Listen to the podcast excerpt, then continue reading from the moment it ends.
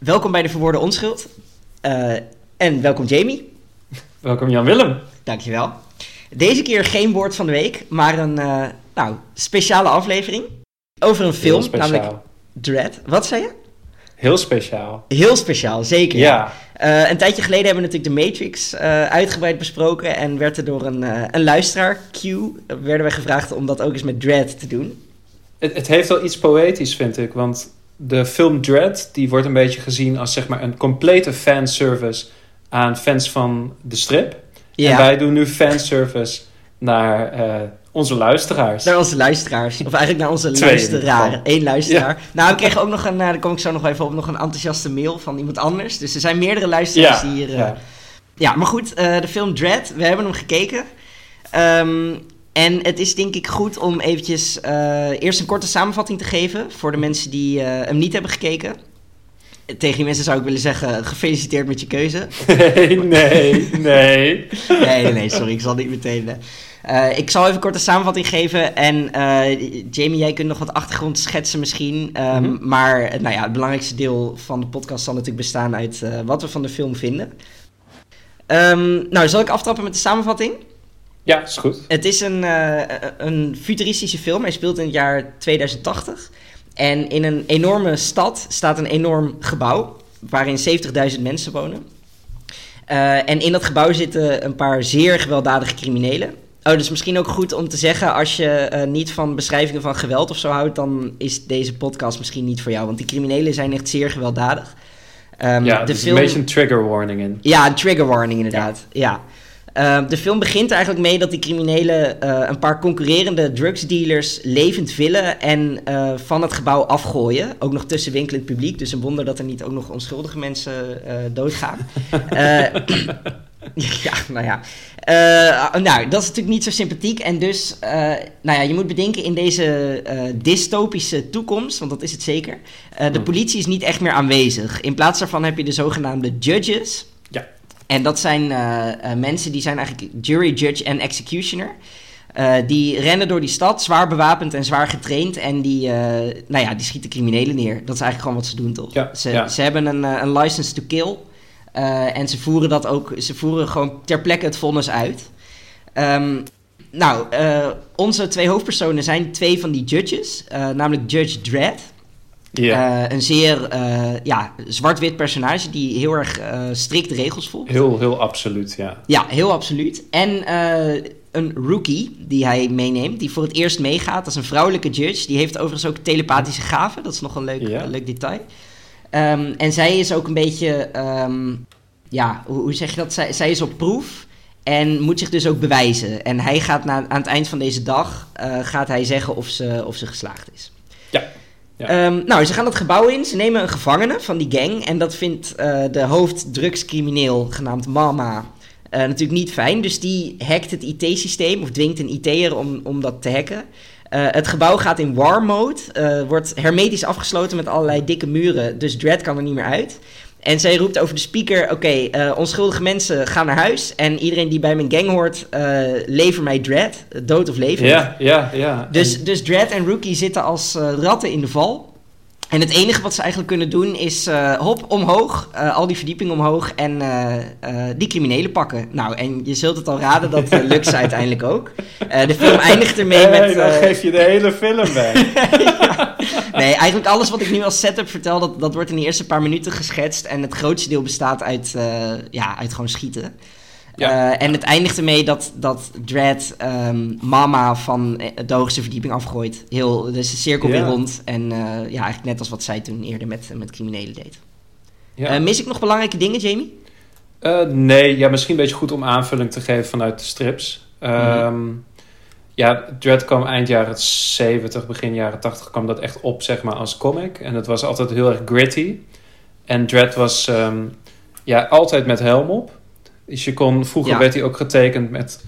Um, ja, je, hij was een beetje etnisch ambigu ook. Oké, okay, ja. Um, expres gedaan. En hij is eigenlijk ja, een beetje de personificatie van een, een, een beetje een fascistisch regime. En dat werd nog wel eens vergeten um, door, uh, door lezers van de strip. Dus ze kregen af en toe kregen ze, uh, kregen ze brieven binnen van, uh, van ja, met name jonge jongens die Dredd echt als een ontzettende held zagen. En toen besloten Ja, ze dat om was in de film ook wel... Is hij ook wel echt de held. In, in, eh, ik, ik zou zeggen dat in de film niet helemaal, maar in, in eh, de strips was het wel op een gegeven moment van. Hij maakte gewoon echt mensen, maakte gewoon democraten dood, zeg maar. Hij was echt afschuwelijk. Ja. Ja, ja. En niemand die de ironie ervan begreep. Dus op een gegeven moment dan, dan, eh, ja, dan, kun je maar, dan kun je maar één andere kant op. En dat is dat je Dredd toch wat humanistischer maakt. Als hij dan toch eh, gezien wordt als een held. Oh ja. En eh, het is ook interessant, uh, detail is dat een van de, van de makers van Dread heeft ook geleefd onder ja, het, het Spanje van Franco. Dus Ah, oké. ook eigenhandig fascisme ervaren. Dus Ja. daar komt het ook wel een beetje vandaan, zeg maar. Oké, ja. Ja, ik heb, eh, de, ik heb de comics niet gelezen. En ik, ik heb hem dus ook de film eigenlijk beoordeeld als een standalone werk. Ja, Eh, ja, hoewel ik dus daarbij eigenlijk al misschien niet helemaal in de doelgroep val. Want zoals je eerder zei, hij is echt wel als fanservice gemaakt. ja heel Ehm, erg. Ja, ja, Ja, ja. ja. nou ja, hoe dan ook. Het is ook heel belangrijk dat Dread niet zijn helm afzet. Ehm, en ik denk Ja, dat je daar dat is misschien... inderdaad wel een belangrijk aspect aan de film. We zien de ogen van Dredd helemaal niet. Eh, we zien wel zijn mond, nee. want die, die is nog zichtbaar onder zijn helm. Maar eh, ja, hij zet de hele film zijn helm niet af. Ook niet aan Ze hebben in 95 is er een film geweest met Stallone. Mhm. Die heette Judge Dredd. En daarin deed eh Dredd zijn helm af. En dat, was, ja, dat werd niet echt goed ontvangen onder liefhebbers van het stripboek. Oh, oké, daar was men verbolgen over. Ja, ja, ja. Maar dan heb je natuurlijk wel meteen het probleem van... hoe maak je zo'n personage humanistisch? Of humanistisch, hoe maak je zo'n personage menselijk? Ja, ja. En dus daarvoor heb je de, de, de mede-judge, de rookie.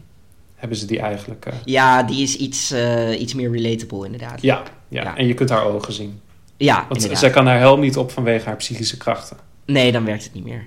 hey, ehm, we- dit was het plot eh, en, en een Mhm. beetje de achtergrond. Voordat we doorgaan naar wat wij ervan vinden... ik heb nog een mail van een luisteraar gekregen, Reiner.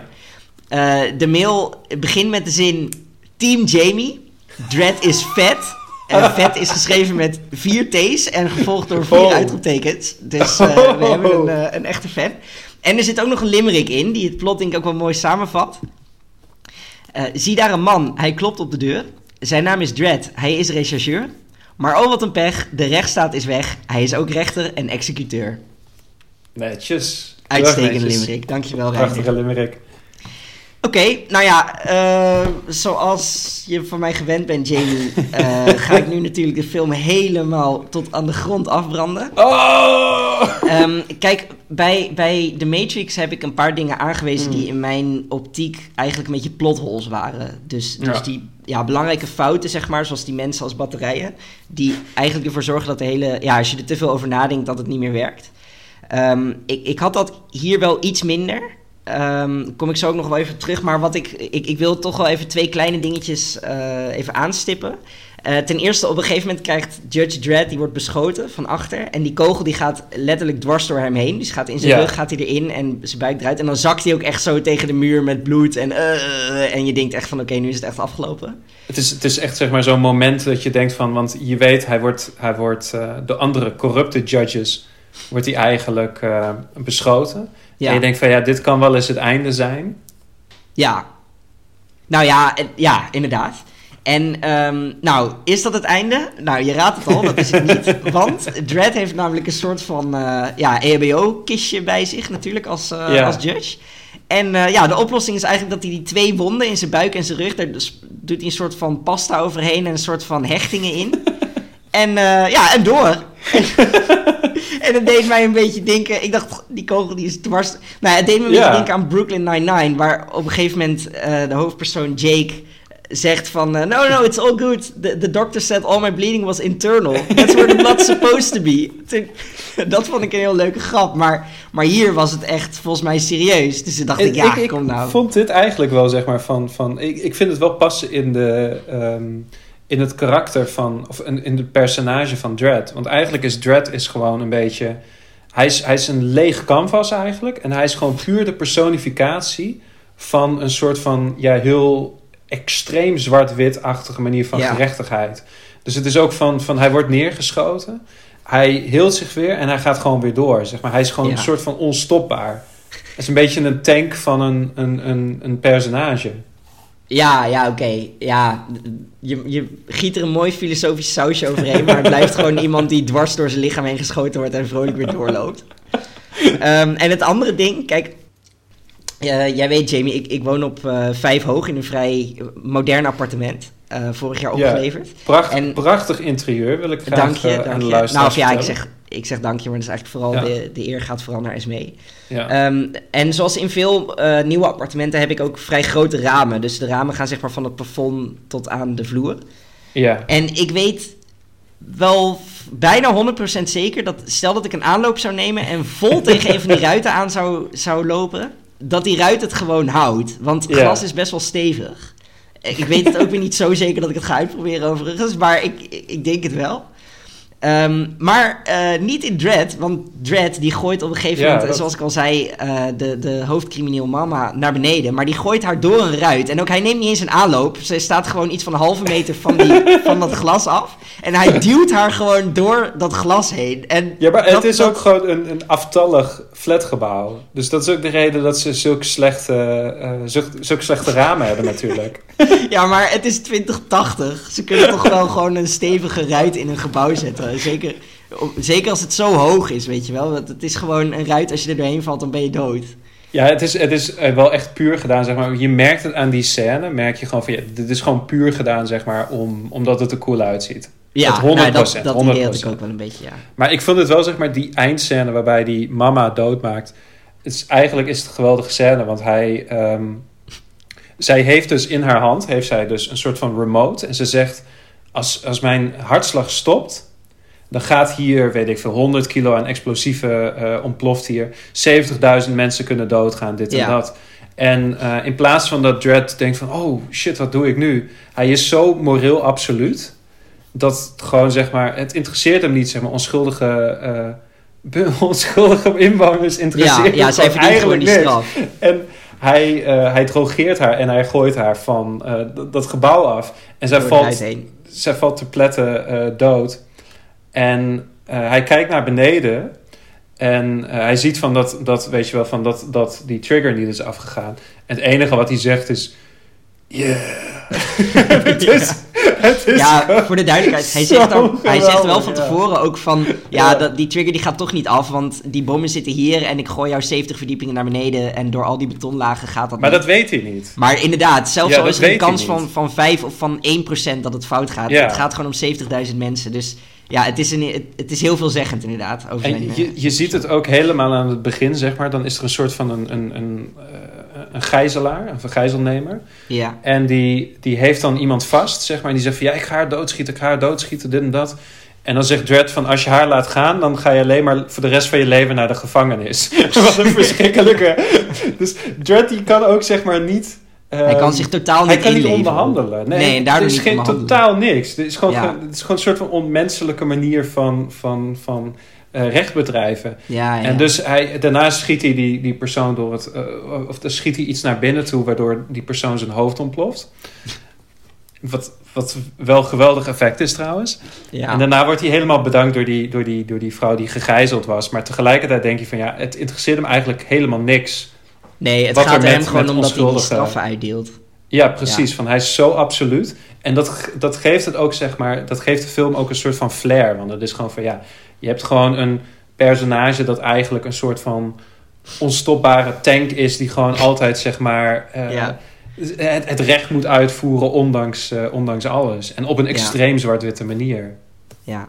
Ja. Hey, eh, dat, dat waren zeg maar de, de, de kleinere puntjes. Maar ik, ik kom nu bij mijn... eh, ja, ik heb eigenlijk drie echt grote bezwaren bij deze film. Eh, ik zal ze alle drie afzonderlijk behandelen. Maar het, eh, ten eerste de, de stijl van acteren en de casting. Ja? Ten tweede het, het gebrek aan inhoud. Of plot. En ten derde het excessief geweld. Nou ja, ik, ik zal beginnen met de stijl van acteren. En ik zal er meteen bij zeggen, dit is natuurlijk vooral persoonlijke smaak. Maar het is wat ik heel ook al eerder... al, ja. Ja, nou ja, wat ik al eerder ook noemde bij de Matrix. Ik kan er gewoon niet zo goed tegen als alles zo op zo'n enorm... Nou ja, kijk, die dread... ehm, je ziet zijn ogen niet. En het Ja. enige wat we van hem weten is dat hij alles op deze toon zegt. Met een soort heel lage, raspende stem. En veel pauzes in zijn zinnen. En dan denk ik van, ja, dit is gewoon totaal niet hoe mensen praten. En het maakt het wel cool, maar ze offeren dan alle, alle, al het realisme in, in zo'n personage helemaal op voor de coolheid. En dat, dat nou, maar dat, eh, wel respect voor Carl Urban, want kennelijk had hij gewoon echt fucking veel last van zijn keel ook, omdat hij constant eh, zo, zo die, die stem aan het opzetten was. En eh, echt respect voor, want hij doet gewoon zeg maar, dat is gewoon puur fanservice, want dat is hoe Ja, de fans zeg maar is- inbeelden hoe, hoe, hoe Dread zou klinken. Dus Nee, maar dat kijk, dat het knap is, dat staat bij te kijken. Maar hij had ook die hele Ja. film jonglerend met vijf ballen kunnen doen. Dat was ook heel knap geweest, maar dat maakt het niet per se een, een betere film. Ja, Ehm, ik weet nou niet. ja, ik vind goed, het, maar het, ik- heeft, het heeft juist iets intimiderends, zeg maar. Van hij, hij is echt Super zwart-wit.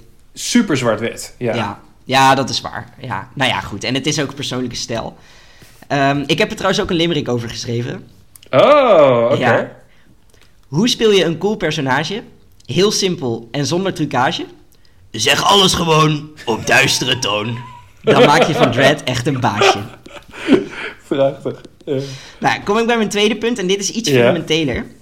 Mm. Eh, namelijk het complete gebrek aan inhoud en plot in deze film. Ze hebben er echt voor gekozen om, eh, ja, om gewoon de actie centraal te zetten. Ehm, maar daardoor, ja, er is niet echt ontwikkeling van karakter. Oké, Rookie heeft een klein beetje ontwikkeling en Dread ook, omdat hij aan het eind Ja. breekt hij wel een soort van regeltje. Maar ja, dat vind ik dan ook wel weer een beetje, beetje voorspelbaar. Nou, in Ehm, character is het wel een grote break, zeg maar, met wie Dread is, eigenlijk. Van als je Ja, nagaat oké. hoe Ja, absoluut maar hij ik, is. Ja. ik, ik vond hem ook wel, wel, vrij, eh, wel vrij voorspelbaar. Eh, maar oké, Hmm. klein beetje karakterontwikkeling, fair enough.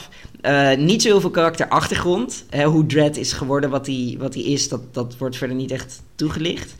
Ehm, geen worldbuilding. En daar vond ik echt heel veel gemiste Hmm. kansen zitten. Want in zo'n, in zo'n dystopische wereld, dat, ja, dat is gewoon best wel interessant. Je hebt zo'n groot gebouw in een enorme stad.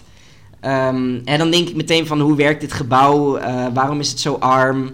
Eh, hoe komt het dat de, de overheid en de politie zo afwezig zijn? Wonen hier alleen maar mensen of werken ze hier ook? Hoe gaan ze bij wijze van spreken met het afvalprobleem om eh, in een gebouw van 200 verdiepingen? Weet je, ik, ik wil gewoon allemaal bent wel dingen de weten. enige die wil weten hoe ze afvalverwerking doen. In Nee, Dead ja, oké, One. fair enough. Maar Ja. ik bedoel, ze hadden... Ja, ik was wel benieuwd van hoe werkt deze stad, zeg maar. En dat wordt helemaal Hmm. niet echt... Het, het is gewoon puur decor voor, voor geweld.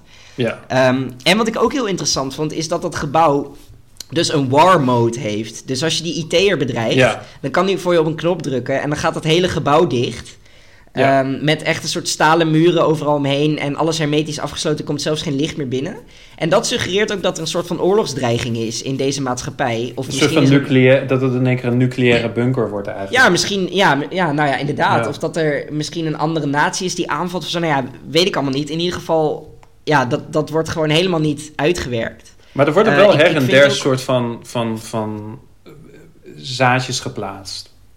Ja, nou ja, oké. Wel, wel ehm, inderdaad wat kleine dingetjes. Ik vind ook het, het motief van de bad guys vind ik niet zo goed Mm. uitgewerkt. Ehm, er wordt wel het een en ander gezegd, maar... eh, ja, en, en ik vind ook dat er echt... Ja, gewoon het complete gebrek aan humor vind ik jammer. En met al deze dingen, er, er valt misschien wel wat tegenin te brengen... maar ik vind dat ze dus heel veel... En zoals je zegt, ze, plaatsen, ze planten wel zaadjes. Dus ze, ze laten wel kleine dingetjes zien... Ehm, hè, die worldbuilding, bijvoorbeeld zo'n war mode, het is interessant om over te filosoferen. Eh, het, het, het motief van de bad guys, er wordt wel iets gezegd van ja, zij was dan vroeger prostituee en zo. Mm. Maar ik denk dan wel, nou ja, af en toe zo'n zaadje vind ik ook prima, want je hoeft ook als filmmaker niet alles helemaal voor te kouwen. Je mag best wel wat aan de fantasie overlaten, maar ik denk dan wel als je al die dingen niet voor, of, of als je al die dingen niet uitwerkt, dan vind ik het wel weer heel erg leeg worden en een beetje lui ook. En dat, dat vind ik wel jammer. Ze hebben echt gekozen voor puur actie en geen verhaal eigenlijk. Ik, ik ben het ten, deels met, eh, ten dele, snap ik je kritiek. Eh, ik wil daar wel wat tegen inbrengen, met name van, je hebt het over bijvoorbeeld character development. En daar ben ik, het, ben ik het voor het grote deel ben ik het daar wel mee eens van, ja oké, er is heel weinig character development. En dat is ook weer, again, dat is gewoon puur fanservice, want mensen hebben een beeld bij Dread en daar wijken ze ook heel minimaal van af. Ja. Ehm, wat ik wel slim vind eigenlijk van de film is dus dat ze er gewoon voor gekozen hebben van... Oh, er, er loopt iemand met hem mee, dat is een rookie. Mhm. En zij kan geen helm dragen vanwege haar psychische krachten. Ja. En dat is eigenlijk wel slim gedaan. Want zeg maar, die emoties die je niet kunt aflezen op het gezicht van Dredd... die kun je wel op haar gezicht zeg maar, af, aflezen. Ja. En zij, wordt ook een beetje de, zij is ook een beetje de hoofdrolspeler van de film in sommige opzichten. Omdat je, ja, Dredd is gewoon te oppervlakkig eigenlijk om, om, om, Ja, totaal niet relatable. om een film te, de heel, volledig te kunnen dragen. En het was ook wel interessant, zeg maar, van... ehm, zij, zij is mutant en zij, heeft, zij is opgegroeid zonder ouders. Zij is Ook iets overigens wat niet wordt uitgewerkt. Er zijn Nee, maar dat hint wel een klein beetje naar worldbuilding. Ja, het, nou, maar dat is Ja. precies mijn punt. Ze hebben allemaal hints, maar... Ja, dat, ja, dat klopt. Ja. Maar sorry, ga verder. Ze, ze is mutant. Eh, ja, ze, ze, is een, ze is een wees. Ze heeft geen, eh, ehm, ze heeft geen ouders meer. En ehm, op een gegeven moment heb je wel een beetje het gevoel van dat er een soort van bijna een soort van vaderlijke, eh, heel afstandelijke affectie komt van Dredd naar haar toe. Hm. Dus aan Ja. het begin van de film zegt Dredd, als hij haar ziet, zeg maar, ehm, achter een, een, een, een, een, een ehm, ja, door, een spie- doorkijkende spiegel, zegt hij van, yeah, she doesn't look ready to me. ja. En ehm, op het laatst van de film, voordat ze mama confronteren, dan zegt, vraagt hij aan haar van, are you ready? Hm. En nog voordat ze kan reageren, zegt hij, you look ready. En je ziet Ja, een soort van een, een soort van respect naar Een elkaar toe coaching komen. ook. Ja, en er voelt toch een soort van een, een heel afstandelijke affectie van, van Dredd naar haar toe. En zij doet ook bepaalde, ehm, ja, soort van, van... Zij verliest haar, haar menselijkheid niet. Nee. Dus zij, zij laat ook eh, het IT, de, de, de IT-hacker laat zij ook gaan. Ehm, Ja. Ondanks dat dat tegen haar training ingaat.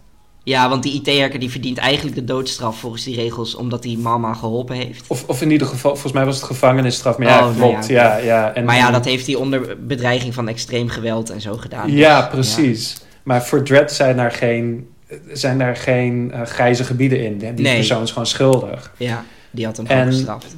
Dat hij op het laatst, dat hij dan zegt van ja, oké, ze is, eh, hij weet dat ze verkeerd, verkeerd heeft gehandeld. Maar hij, hij zegt toch van ja, ze is toch er doorheen gekomen tegen, tegen die andere judge. Omdat hij dan toch zeg maar een soort van. Ja, het is deels is het affectie, denk ik. En het is deels is het ook gewoon een soort van een, een, een, een, ja, een, een lichte ontwikkeling in Dread zelf. Dus dat die Hmm. dingen misschien toch in het verloop Toch- van toch die een dag kleine een klein beetje grijs kan zien. Ja, Ja, Ja. ja. nou, ja. Dus Oké. het, is een, het is een beetje zoals weet je, het einde van Terminator 2. Dat, dat Arnold Schwarzenegger, voordat hij zelfmoord pleegt, zeg maar, dat hij dan zegt... I know now why you cry, zeg maar. Dat hij dat zegt tegen die jongen van, ik weet waarom jij huilt. Maar Ja. dat is iets wat ik niet kan. En dat is een ja, heel ja, klein de, beetje de humanisme. ziet de menselijkheid. Dat, dat kleine beetje humanisme, dat is dan toch, zeg maar, dat spreekt dan toch boekdelen. Ja, ja. Oké. Nou ja, Ehm, mijn, mijn derde punt, of wil je hier nog meer... Ja, eh, ik, ik wou alleen over het motief van mama. Van, ik vond mama Ja. juist wel redelijk uitgewerkt. Van je, ik heb bij haar, dat komt vooral ook hoe eh, Lina Headey haar speelde. Ja, ik vind haar overigens Cersei goed van gecast. Thrones. Dat wil ik nog wel ook even... Lena Headey vind ik een goede Mm. actrice en ook geschikt voor deze rol. Er zat ook een soort van breekbaarheid in hoe zij het speelde. Ook al was zij echt een verschrikkelijk personage. Nou, dat heb ik niet echt gezien. Oké, dat, dat voelde ik wel een klein beetje. Maar misschien is dat projectie. Dat kan natuurlijk ook. Ja, dat zegt meer over ons dan, eh, dan over de film. ja, ja. Nee, maar haar vond ik wel goed gecast. Ik vind haar altijd... eh, ja, Eh, ik, ik las trouwens dat ze eigenlijk van plan waren om een oude, dikke vrouw te gaan casten als mama. Oh. Maar dat ze dus uiteindelijk, toen Lena Headey auditie had gedaan, toch voor haar hebben gekozen. Gelukkig maar, want er zijn te weinig dunne, mooie vrouwen in Hollywood die een kans krijgen. ja, ja. nou ja, mijn derde punt is het, eh, het excessieve geweld. Ehm, en Oh. hierbij ook, net als met mijn eerste punt, is het natuurlijk ook een beetje een kwestie van smaak. Hè? Je kunt dit gewoon Ja. vet vinden.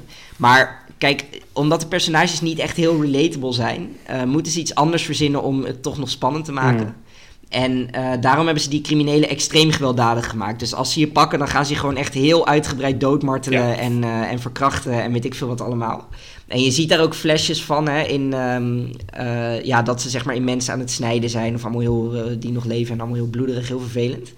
En ehm, kijk, dit voegt een zekere spanning toe aan de film. Dus ik, Mm. ongetwijfeld zijn er mensen die het daardoor juist vetter vinden. Maar ja, ik ben dan persoonlijk misschien een beetje een watje of zo. Maar ik hou daar gewoon totaal niet van. Ik, ik word niet graag geconfronteerd met eh, het feit dat mensen elkaar gruwelijk kunnen martelen. Ehm. En ik, ik vind ook... Kijk, ik heb bijvoorbeeld ook wel eens Reservoir Dogs gezien. Ehm, daar, waar een vrij uitgebreide scène in zit. eh, Stuck waar in the iemand- middle with you. Ja, met dat nummer Michael inderdaad. Madsen die zo'n dansje doet. Ja, ja, ja Jamie doet, even voor de luisteraar, Jamie doet nu ook het dansje, maar Jamie, het is een podcast, hè. Dus, eh, ehm, Vergeet maar, het iedere keer. Kijk, die scène in Reservoir Dogs is natuurlijk geniaal, want het contrast tussen dat nummer en, en wat Mm. er gebeurt is goed en de sfeer is heel goed neergezet. Maar toch, ja, ik wil gewoon niet die scène kijken, want Mm. ja, waarom zou ik mezelf dat aandoen, denk ik dan? En ehm, kijk, ik kijk films in principe voor mijn lol, dus ik wil me vermaken. En ik ben ook nog wel bereid om eh, een film te kijken die niet per se heel leuk is, maar dan wil ik wel er iets van leren of er iets eh, ja, gevoed worden of zo. Maar dat had ik dus met deze film ook niet. Het was gewoon een en al naar geweld en marteling. Ja. En ja, daar hou ik gewoon niet van. En ik snap niet dat mensen dat leuk vinden. Ja, maar dat, dat is natuurlijk van... Oké, dat is een persoonlijk, persoonlijke voorkeur, maar dat is Ja, niet... zeker. Ja, ja, ja. ja, ik sta daar heel anders in eigenlijk. Want ik had zelfs bij... Voor jou eh, ehm, kan er eigenlijk niet genoeg gemarteld worden. Dit, nee, ik vond, eigenlijk vond ik de film niet bloederig genoeg. Dat is, dat is mijn grootste kritiekpunt van de film eigenlijk. Ehm, Dat had ik, Ik zeker bij- niet verwacht. nee. Eh, er zijn een paar dingen. ehm, ehm, ja, eh, het, alles wordt met CGI gedaan. Dus je hebt Ja. nu sinds kort eh, wordt het gebruik van zeg maar wapens met, met losse vlodders erin zal wel helemaal niet meer worden gedaan vanwege elk Op de filmset. Ja, ja. Ja. ja, vanwege dat, Dat- dat, ja. eh, dat ongeluk waarbij iemand doodschoot. Maar je Ja. bij, met, met losse vlodders heb je wel altijd wapens die er echt heel realistisch uitzien. Ja, omdat En ze dan ook is het terugslag altijd- hebben en zo, bedoel Omdat je? ze terugslag hebben. En dan is het leuker, zeg maar, als je een wapen hebt met terugslag. Waarbij je dan ook, zeg maar, heel expliciet Voor de luisteraar, Jamie is weer terugslag aan het uitbeelden nu. Ja, ja, ja, ja. Terugslag en, en expliciet bloed. Ehm, en dat in, in Hollywood gebruik je dan squibs, zeg maar. En squibs, dat zijn soort van... van ehm, dat werkt met gas. En eh, dat schiet dan eigenlijk kapot. En dan, wordt, dan heb je een bloedzakje dat dan open, open scheurt. Dus dat Ah, ziet er ja. dan ook echt uit van pats. Dus Dat zijn er echt een- reële bloedspetters die je dan ziet. Ja, Ja. en dat is heel lastig om op te zetten. Want iedere keer dat je dat doet, moet je opnieuw weer de, de set resetten. Ja. Dus iemand heeft een wit shirt aan. Maar ja, dat, je kunt het maar één keer doen. Ja, en je hebt één weer een nieuw wit shirt wit. nodig. ja.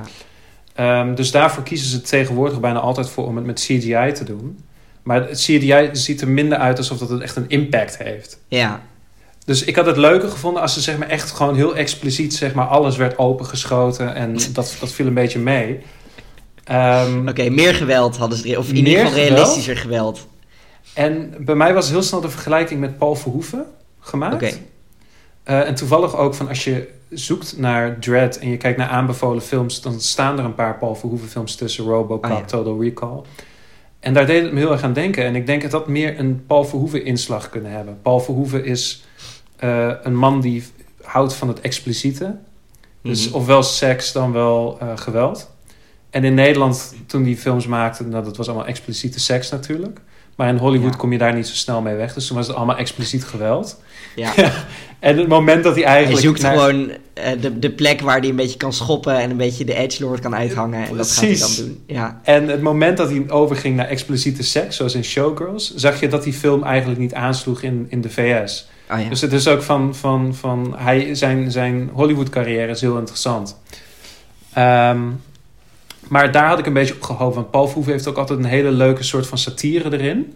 Mhm. Van, die doet dan extreem geweld, zoals in Robocop. Maar dan tegelijkertijd zit er een soort van satire in op de Amerikaanse samenleving. Van Ja, eh, ja. kapitalisme en, en hoe we naar geweld kijken. En Ja. dat ontbrak een beetje in deze film. Van, er zit Ja, geen Dredd neemt in. zichzelf wel echt bijzonder serieus. Echt extreem serieus. Ja, ja dus er is volgens mij geen één grap gemaakt. Ja. Ja, en je bent, je bent gewoon gebaseerd op een, op een stripboek. Dus daar moet je Ja. ook een beetje plezier in hebben. En dat, daar zat, er zat weinig plezier, zeg maar, ook, ook in het script eigenlijk. Dat Ja. vond ik een, een heel groot eh, probleem eigenlijk. ja. Oké. Eh, zullen we door naar de ratings dan? Want eh, ja, het is weliswaar geen woord van de week, maar we kunnen op zich wel een rating geven aan deze film. Ik, ik, heb, een, ik heb een rating klaar. Oké, vertel. Ehm, ik geef het vier T's van het woordje vet. Met vier T's. van de vijf. Oké.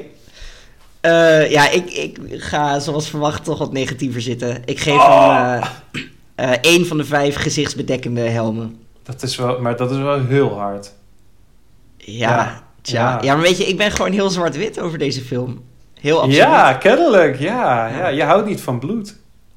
Ik hou niet van bloed. Nee, inderdaad. Maar het is toch van- als je, als je, als je gamet, zeg maar, als je Call of Duty speelt en je schiet iemand dood die aan de andere kant van de wereld woont, dan is het toch ook gewoon, heeft het toch meer voldoening als je echt een grote bloedspetter ziet dan, dan dat die persoon gewoon neervalt. Ik, eh, ik neem het van je aan, Jamie. Als je het zegt. Oké. Hey, ehm, volgende week weer gewoon een woord van de week. Ja, ja. Ehm, dan keren we weer terug naar onze, onze normale gang van zaken. Ehm, ja.